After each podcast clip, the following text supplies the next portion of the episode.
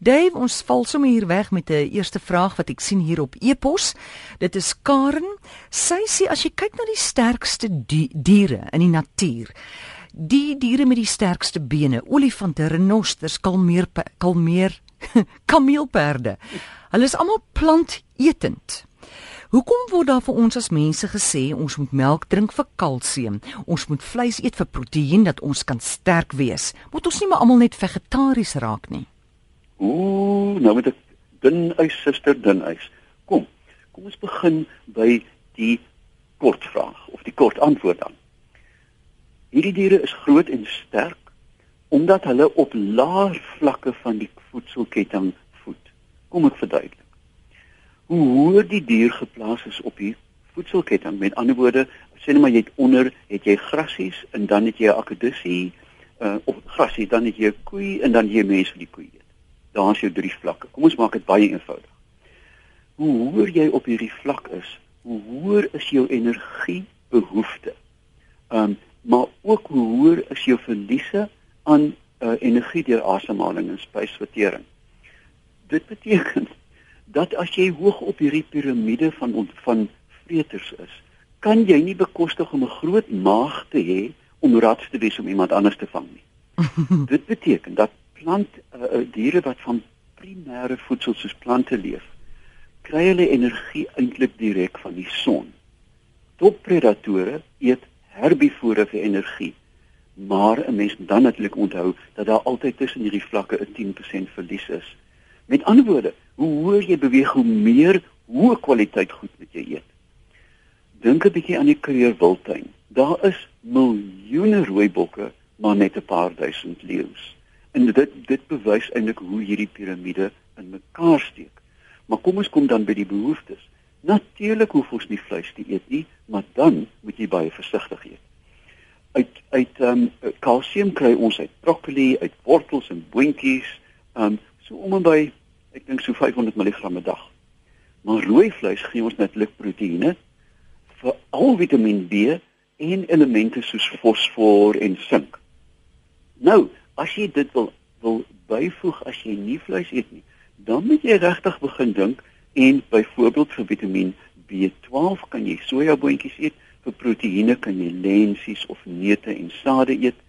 Vir omega 3 kan jy canola olie gebruik vir yster en sink weer eens neute en en graankosse. So 'n vegetariese dieet is natuurlik baie moontlik, maar met groot omsigtigheid, want jy kan ernstige probleme opdoen met hmm. byvoorbeeld bloedarmoede en ook natuurlik osteoporose as jy 'n vrou is na menopouse. So groot nog 'n ding amore onthou dat die grootste dinosourus op aarde was plantvreters, nie vleisvreters nie die Tyrannosaurus rex mm. lyk piepklein teen die groot plantvreters. Goed, ons vat 'n oproep Charlotte, goeiemiddag. Uh, goeiemiddag. Uh, kan ek asseblief vir Dave Peppler iets vra? Enige tyd, praat maar. Sit net jou radio af asseblief. O ja, ja. Dave? Ja. Dit is Betty Ferreira van Durban wil hier. Hallo. Man, ek het vir jou gesien staan daar in Uganda by die waterval, die uh, by die Nile, die ehm um, Murchison Falls. En jy het sommer dit so gegloei van binne. En dit is hoe ek ook gevoel het toe ons daar was, maar ek wil nou vir jou vra. Toe ons daar was, dis baie jare gelede, was daar 'n bruggie oor daardie 19 voet van van van daai ehm uh, waterval. Is ja. dit nog daar? Nee, die bruggie het weggespoel. Ek dink hy het effens opgeroes ook en die hemel weet alleen ek sou nie daaroor gestap het nie al betaal jy my wat. O, wel ek het 'n foto van waar ons daar op daai bruggie staan. So hy het weggespoel. Baie dankie hoor. Goed Betty. Ja. Da, ek sê dankie. Totsiens. Koos wil weet, het ons enige giftige paddas in Suid-Afrika? Ai, julle nee. Hallo Dave. Ah ja. Het ja, ons vreemde geluide. Ja, giftige paddas in Suid-Afrika, wil Koos weet? Nee, ons het nie naaste by die giftige paddas wat 'n mens byvoorbeeld in die Amazone sou kry nie. Uh maar baie van ons paddas, veral die die brulpaddas, nê, nee, die die die groot hoppers en die harde kwakers het wel giftige velkliere in twee diskrete areas agter die oë.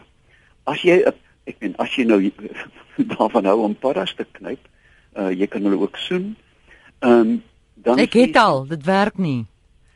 Môre jy soen die verkeerde paddas. O, goed. Hoe dit ook al sê, ehm um, die ander vraag is eintlik wat doen 'n mens nou met 'n prins op 'n mens se jare? Jy weet maar dit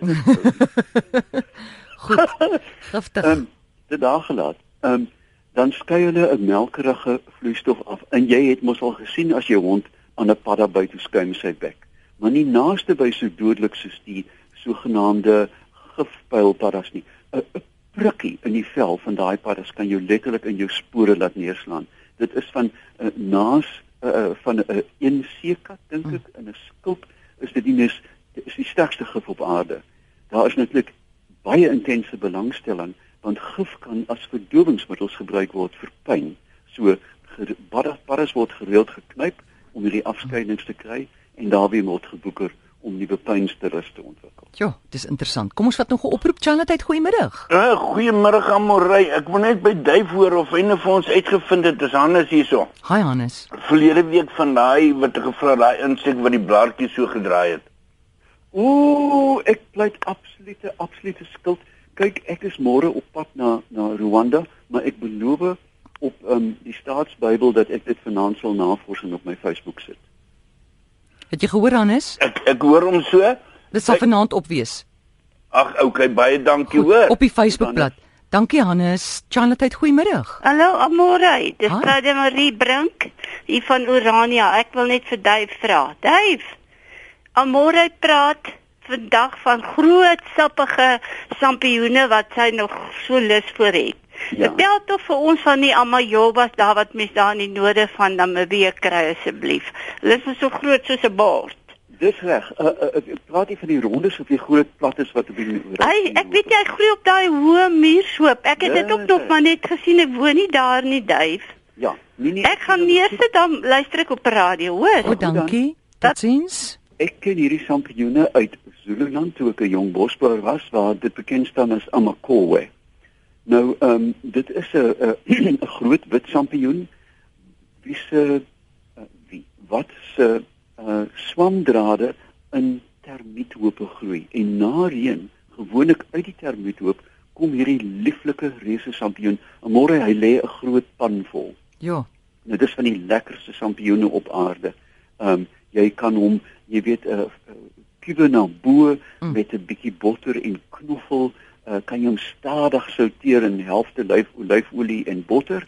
Uh, ek ken nie die Namibiese nie, maar ek weet ook in die Karoo kom hulle voor en ehm um, meeste van hulle is eetbaar. Maar soos met alle sampioene in die veld, as jy nie 'n kenner byderhand het nie of jy self weet nie, moenie eksperimenteer. Goed, hier is nog 'n oproep Charlotte, goeiemiddag. Goeiemôre, ek wil gou uitvind man, by wat is jou opinie oor die teel en broei van papegaaie in aanhouding? Dink jy daar's enige voordeel daaraan verbonde of nie? Want, Ek luister maar by die radio, dankie man. Het jy gehoor, Dave?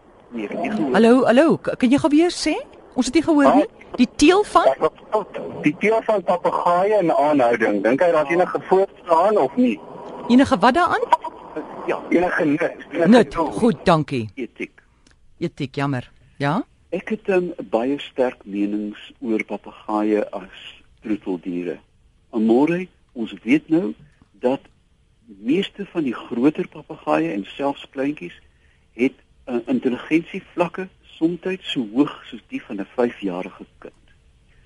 Hoeveel keer stap 'n mens nie by 'n hok verby waar 'n uh, Afrika gryspapegaai al sy vere uitgetrek het nie. Mm. Metronomies woorde herhaal, heen en weer wieg nie. Ek weet hulle is lieflike diere, baie van hulle is al baie geslagte in aan in aanhouding en weet nie wat dit is om buite te wees nie. Maar môre as jy ek gaan nou Rwanda toe môre. As jy in die veld staan en en 'n en 'n en 'n pragtige vlug van hierdie papegaaie kom verby en jy sien die vryheid en die elegansie, dan bloei jou hart vir die diere in hokke in 'n Karoo dorpie waar die temperatuur 50 of 40 of 50 grade is. So, indien jy nie vir die dier die allerbeste groot ruim hok kan gee nie. Ek voel ek persoonlik dat jy doen die diere ewige onguns.